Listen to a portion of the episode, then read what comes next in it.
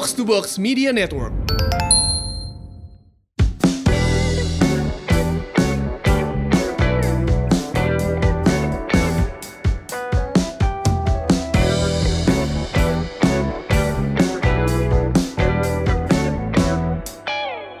Hello, Halo. welcome back to Semur.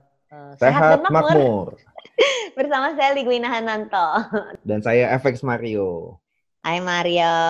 Ewin. Episode 5 kita udah mulai, kita masih tetap eh, work from home. Kita sudah kemarin udah ngomongin hidup yang berubah, terus kita ngomongin efeknya ke bisnis, efek ke penghasilan.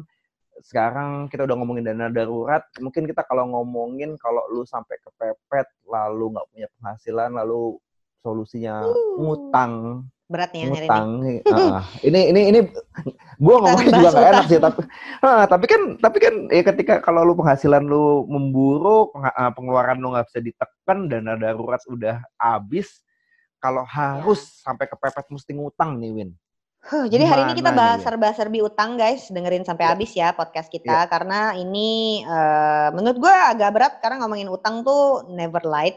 Basically utang itu kan gini, lu nggak punya duitnya jadi lu pinjem. Basically utang tuh Iya. gitu ya, sesederhana Iya. itu. Tapi eh, kita suka lupa kalau namanya pinjam artinya datang dengan tanggung jawab yang sangat besar Mhm. untuk dibalikin. Itu yang kita Yes. suka lupa.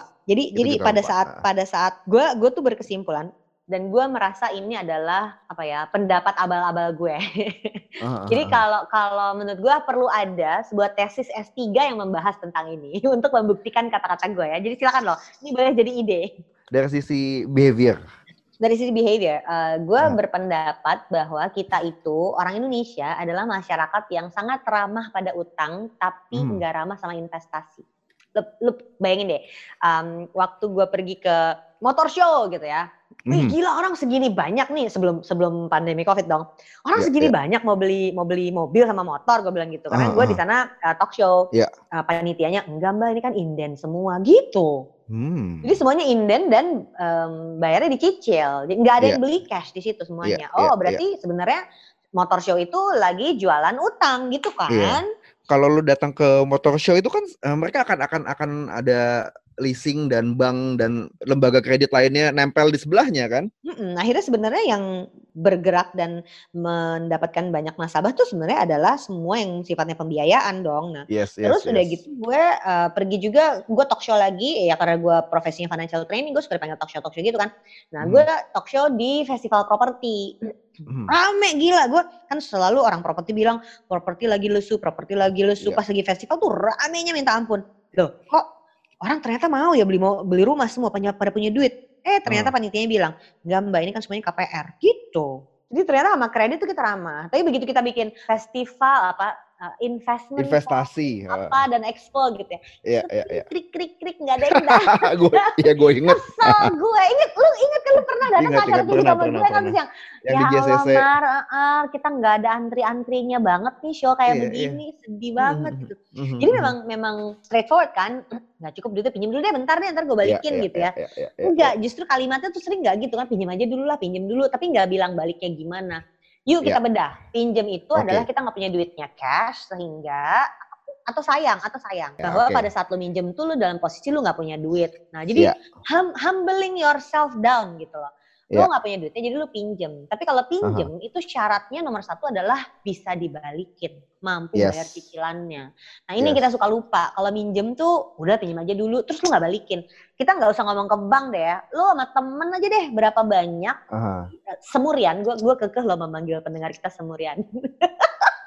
semurian di luar Maria yang tidak kenapa namanya semurian. Nanti kita gue cari nama yang lain. terus kita bertengkar soal sebutan. Lu manggil apa, gue manggil apa gitu ya. Ya jadi ya buat semurian di luar sana berapa banyak kalian yang udah mulai kehilangan teman karena dia ingkar janji dari balikin utangnya ke lo. Ya nggak sih, Ah, ketika mau ya, ya. minjem baik banget, giliran ditagih dia lebih galak daripada yang nagih. Sering banget pasti ngalamin kayak gitu. Jadi kalau kita udah ngomongin kepepet, di kasus ini kan sebenarnya hubungannya sama ketika bisnis mulai turun, terus harus memastikan gaji karyawan, yeah. harus bayar THR, atau lu sebagai karyawan yeah. yang ya. kena PHK tapi nggak dapat pesangon, uh, banyak banget loh kemarin soalnya uh, waktu mulai ada kasus COVID-nya itu banyak sekali bisnis yang industrinya tuh di awal-awal tuh udah bubar duluan kayak um, semua yang berhubungan sama traveling, semua yang berhubungan sama hospitality, ya. uh, tourism, mereka tuh kena duluan jauh sebelum sebelum kena duluan. sekarang nih kita udah mulai kerasa ya Mar. Tapi mereka kena duluan, hmm. mereka dari Januari tuh udah mulai kerasa. Kitanya kita baru mungkin nih hmm. April baru mulai kerasa.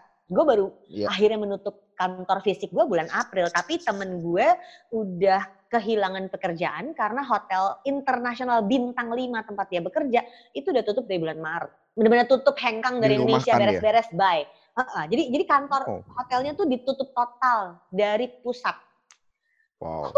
Nah kalau udah kayak gitu, jumlah orang yang kehilangan pekerjaan dan gak punya uang kan jadi banyak banget. Dan kalau gak punya uang hmm. kan refleksnya akan adalah minjem, minjem sama keluarga. Uh, tapi yeah. sering nih yang terjadi adalah akhirnya minjem sama bank Uh, dan kalau pinjam ke bank tuh ada macam-macam gitu, pinjaman tuh ada macam-macam. Nah ini yang gue tuh lebih cemas lihat yang kayak begini daripada soal misalnya indeks harga saham gabungan minus gitu, gue yeah. nanti juga naik lagi. Tapi begitu yeah. orang tidak punya penghasilan dan makan kan tetap harus jalan terus, biar waktu yeah. sekolah tetap harus jalan terus.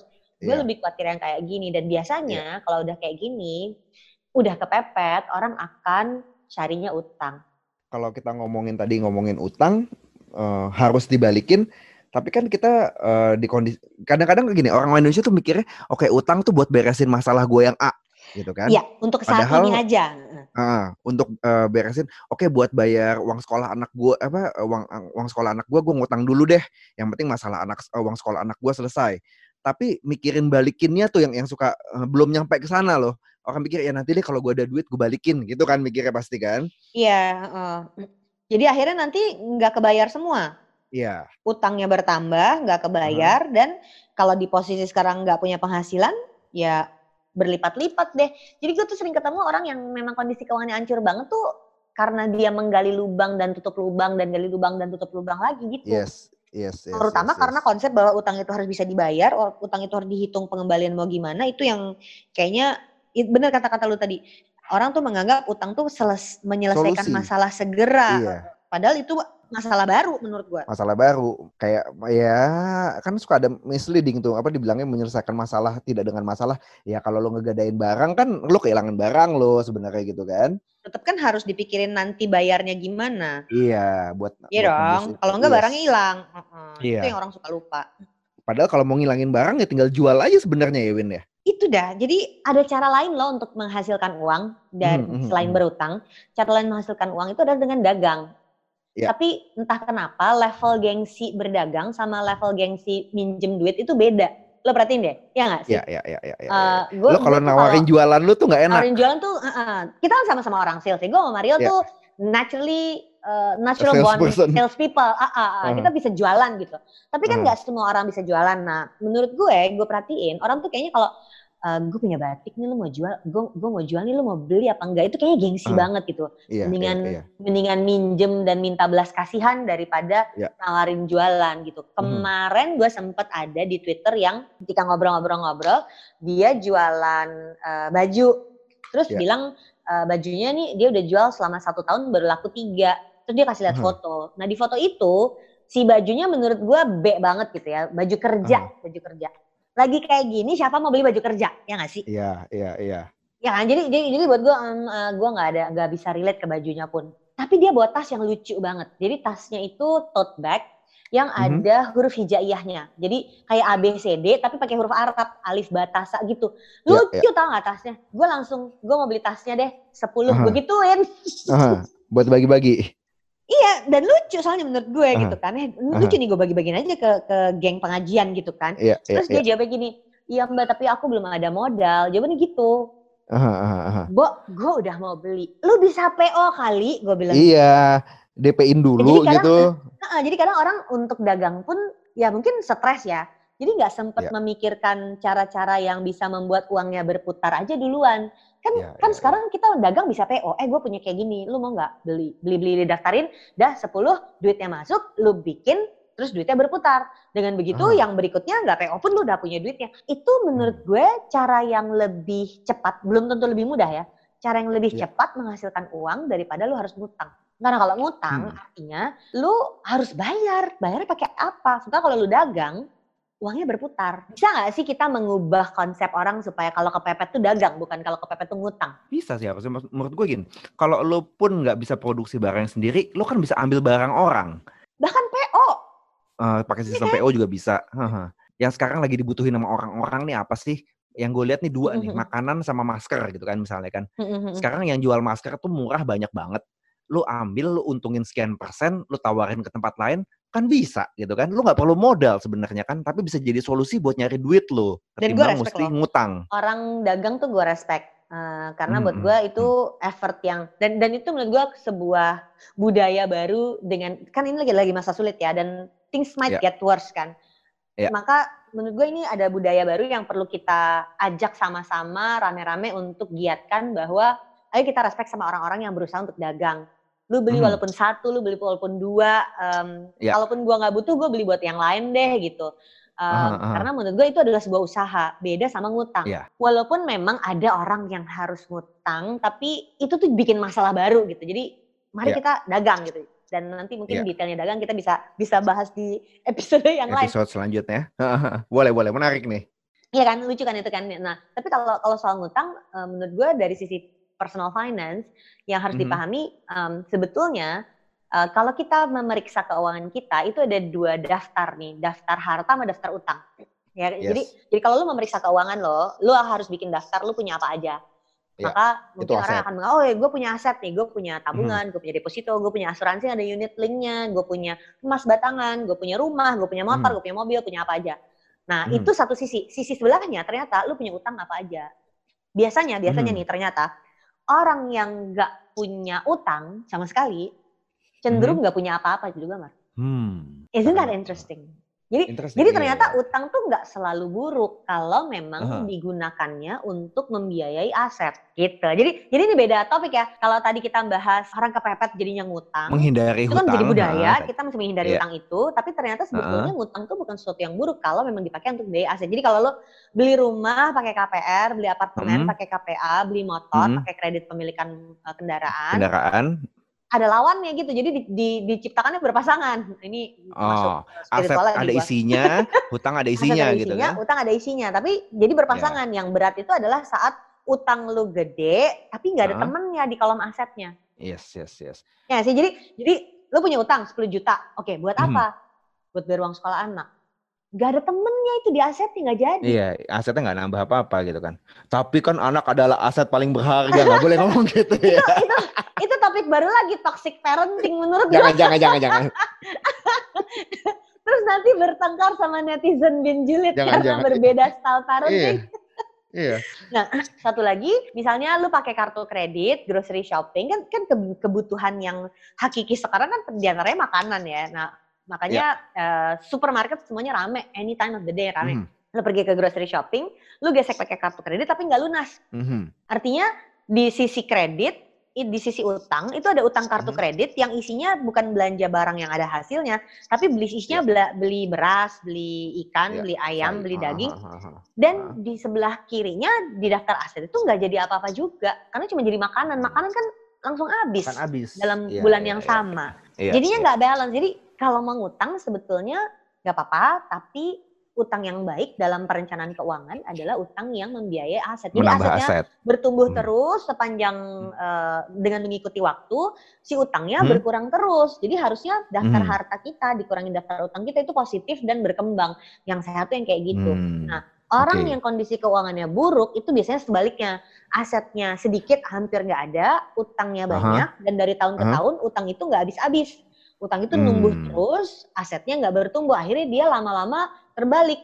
Aset dikurangin utangnya minus. Nah orang yang kayak gini yang resmi dinyatakan melarat. Oke. Itu yang susah. Jadi kalau kalau kita dalam posisi sebagai golongan menengah yang hidupnya kayaknya baik-baik aja, Aha. susah untuk menyadari kalau lu dalam posisi keuangan yang busuk. Susah banget karena lu merasa baik-baik aja. Kita denial ya. Hmm, jadi gue bisa liburan, gue bisa, gue bisa, Iya, bisa iya. bayar uang sekolah anak, gue bisa, Bisa beli belanja barang-barang luxury. ah bisa Heeh. dan dan bisa dikredit semuanya. Kayaknya baik-baik aja, Iya. tapi ternyata eh, enggak. Dan kayak sekarang nih, yang bisa survive adalah mereka yang bukan yang paling kaya, tapi mereka yang kondisi keuangannya paling sehat dan kuat. Ya, dan ini kalau jadi Iya. buku kan nggak bakal laku ya. Memiliki keuangan yang sehat dan kuat. Enggak, Mar. Buku lu dulu gitu.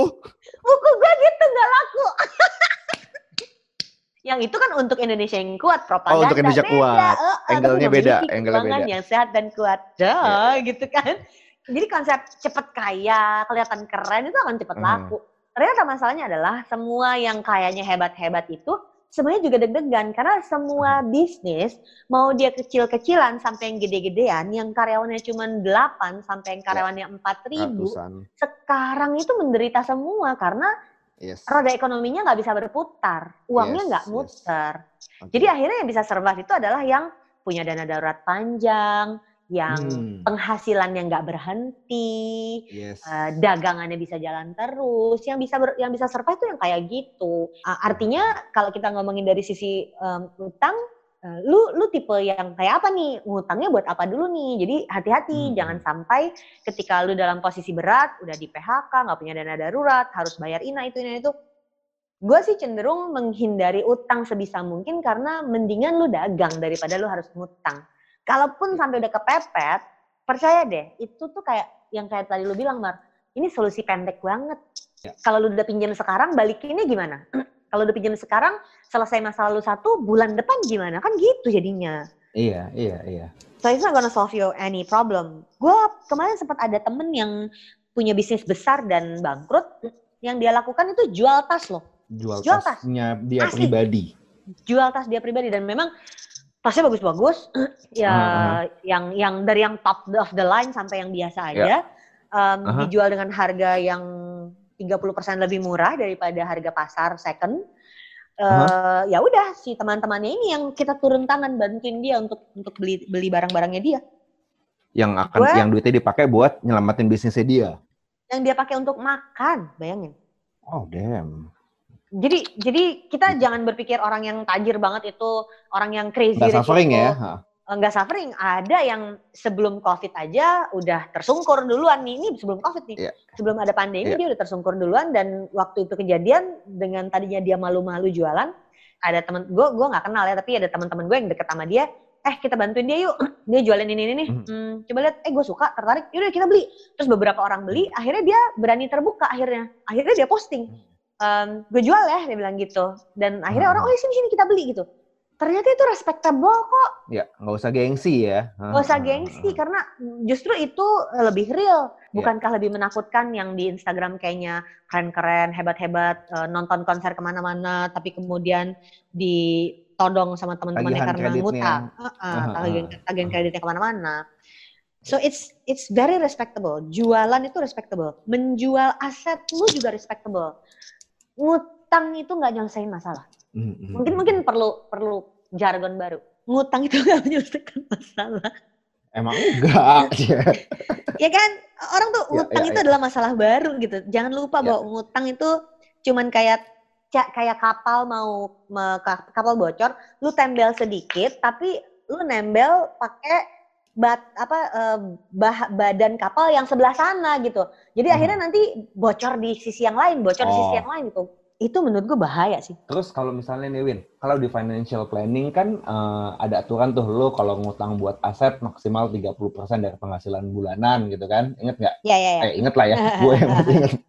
Nah, di masa susah kayak gini nih, mungkin penghasilan lu turun. Restrukturisasi utang itu sebenarnya gimana sih? Eh, is it justifiable at times like this? Segala macem. gue sih merasa kalau udah kayak gitu tergantung lu cicilannya bayarnya ke siapa Ah, kalau ah. ini misalnya bayarnya sama sama keluarga, ya udah Aha. waktunya lu menghadap dan ngomong, nggak Iya, sanggup untuk bayar cicilan untuk sementara waktu, disebut menurut gue.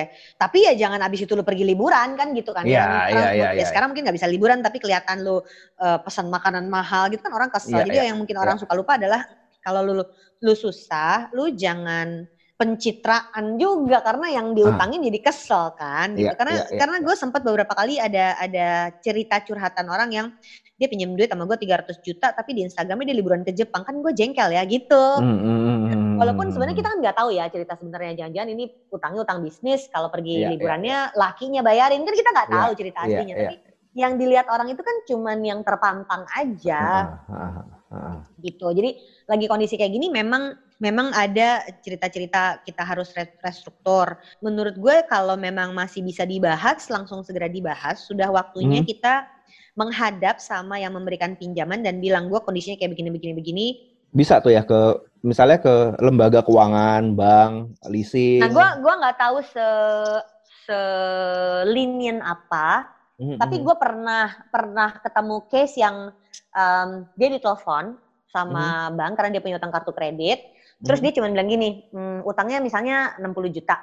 Terus dia Ya. bilang gini, saya sekarang cuma punya 40 juta. Hmm.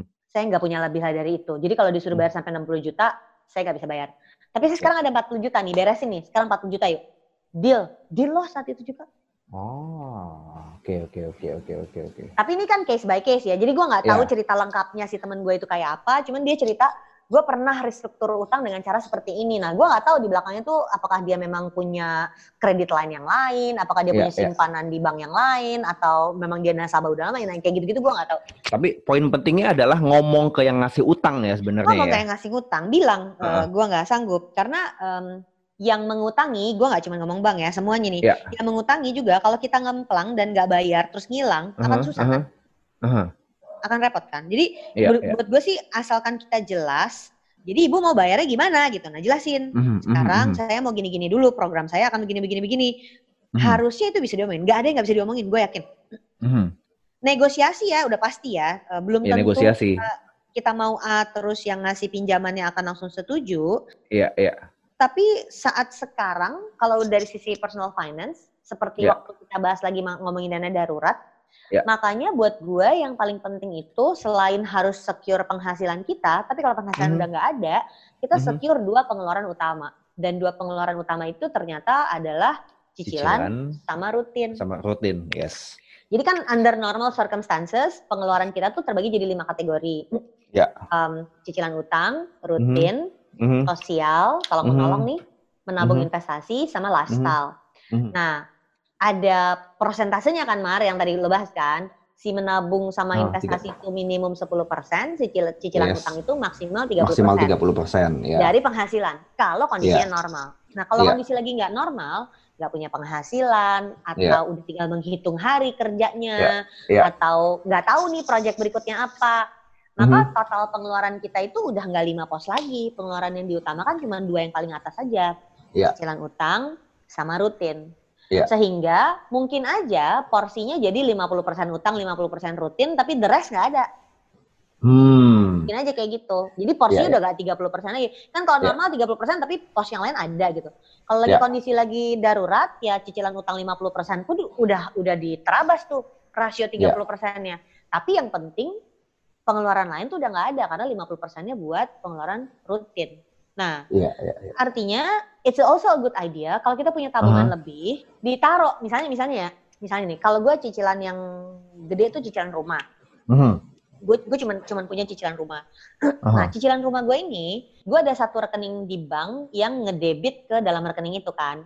Iya. Nah, karena gue sama laki gue uh, sempat punya penghasilan yang irregular. Dulu Mhm. dulu penghasilan laki gue tuh nggak nggak stabil. Sekarang udah bisa stabil, tapi sebelumnya tuh irregular. Uh, kadang ada lebihnya, Project kadang ada sedikit, ah. uh, kadang ada kosong, tergantung project. Nah, kalau pas lagi kayak Ah. gitu, kita kayak kayak nimbun uang di rekening banknya. Iya. Eh, ini ada ada sekian, eh, ini ada bisa bayar cicilan satu bulan nih, masukin. Eh, ini Ah. gue ada nih, lebih nih bisa buat bayar cicilan tiga bulan, masukin. Jadi kita tenang di dalam rekening cicilannya ada buat empat bulan gitu. Iya.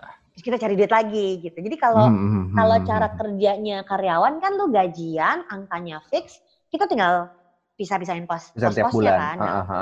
begitu teman-teman ada yang nggak punya penghasilan normal lagi, kena PHK atau bisnisnya tutup, maka lu udah nggak bisa lagi tuh pakai cara eh, terima gaji terus kita pos untuk cicilan berapa. Lu harus Ya. kayak ngumpulin duit, taruh di rekening buat bayar cicilannya. Paling nggak tenang untuk bayar cicilan Beberapa sekian bulan, ke bulan. depan tuh udah ada gitu. Jadi lu Ya, punya ya, kayak ya. backup cash lebih buat bayar cicilan. Ya. a lot of the times trik ini tuh membantu karena di kepala lu tuh lebih tenang. Hati lu tuh lebih tenang karena di kepala lu gue punya duit buat bayar cicilan. Gitu tau gak sih? Mhm, Kan yang paling mhm, gak enak kan kalau kita bayar cicilan gimana ya? Kan itu paling gak enak kan? Itu gak bisa tidur loh. Iya, iya, Tapi iya, kalau iya. lu tahu lu gak ada kerjaan bulan ini, tapi cicilan kebayar buat tiga bulan dan lu bisa makan buat dua bulan. Enak loh kalau kayak gitu. Iya, iya, iya, iya. Jadi jadi cobain cobain dalam tanda kutip menimbun uang yang memang alokasinya tuh bukan buat foya-foya, memang menimbun uang yang alokasinya tuh buat memastikan cicilan berapa bulan ke depan aman, makan berapa bulan ke depan aman. mempercepat utang lu selesai gitu ya. Ha, jadi mungkin aja kebiasaan baru ini yang nanti akan membuat kita jadi bisa membereskan utang lebih cepat karena jadi waspada kan. Mungkin selama Ya, ini ya, ya. santai aja lah ada gaji gitu ya. Tapi dengan Ya, kondisi ya. kayak gini, eh gila gue gak punya gaji, gue mulai sekarang harus dagang nih. Begitu lo harus dagang, oh berikutnya lo mesti pakai cara yang lain gitu. Oke, menarik, menarik. Hope that helps. Hope that helps eh, di masa sulit ini. Semoga membantu problem-problem keuangan lo. Jadi gue wrap up ya, Win. Problemnya sa- apa? Satu, utang itu tidak menyelesaikan masalah. Itu bisa Mm, utang adalah masalah baru. baru. Mm-mm. Mhm. Terus kedua, kalau bisa daripada ngutang, mendingan kita dagang, dagang dari Itu apa pun. itu akan jadi gitu topik kan. baru yang menyenangkan ya. Yes, yes. Itu bisa, bisa, bisa. Kita nanti kita omongin ide-ide baru eh, berdagang tuh caranya apa aja, mulai dari Berdagang untuk kesehatan. Waduh. gue jualan suplemen nanti. ditunggu, ditunggu bos. Terus eh apa lagi? Eh, terus ketiga kita ngomong kalau kita kesulitan sama yang memberi hutang itu kita mesti gimana gitu Mm-mm, kan? Eh, kita restru- restrukturisasi. Aduh susah banget banyak R. kita restrukturisasi. podcast banyak R-nya tuh susah banget buat Mario. entah eh, Terus, entah bayar bayarnya kita panjangin, entah eh, nilainya kita turunin pokok hutangnya gitu kan, eh, Mm-mm. atau bunganya kita omongin. Yang penting kita ngomong dulu sama yang ngasih hutang gitu kan. Ya. Eh, apalagi tadi? Udah ya, itu ya kali ya yang kita kita bahas hari ini ya. Yang Ya, penting eh, jangan menambah masalah di masa sulit ini dengan masalah-masalah baru gitu kan. Iya, iya. Udah tahu lagi susah, lu Ya. jangan bikin keputusan yang bikin hidup lu lebih susah lagi. Menurut gue itu Yes. sih yang kita mesti waspada. Jadi, Yes, yes. oh ya tadi em, kalau lu harus nimbun, nimbun uangnya buat bayar cicilan lebih panjang. Jadi Iya, iya. eh, menurut gue soalnya itu nanti secara nasional yang akan membantu supaya perekonomian dan sistem penerbangan tetap sehat. Selama Ya, kita ya, mampu bayar cicilan senormal mungkin, kita akan bisa aha. mempertahankan supaya tidak terjadi krisis. Karena Yes, eh, yes. perlambatan ekonomi kan udah pasti. Sekarang Udah yang pasti. ditahankan jangan sampai jadi krisis. Oke, eh, jadi itu pembicaraan kita hari ini di episode ke-5. Kelima, mm-mm, bayar utang. bayar utang. Nanti episode ke-6 kita ngomongin tentang dagang. Eh, mungkin bisa kayak gimana nih dagangnya. Oke, kalau gitu sampai jumpa minggu depan. FX Mario out. Saya Hananto, live long and prosper.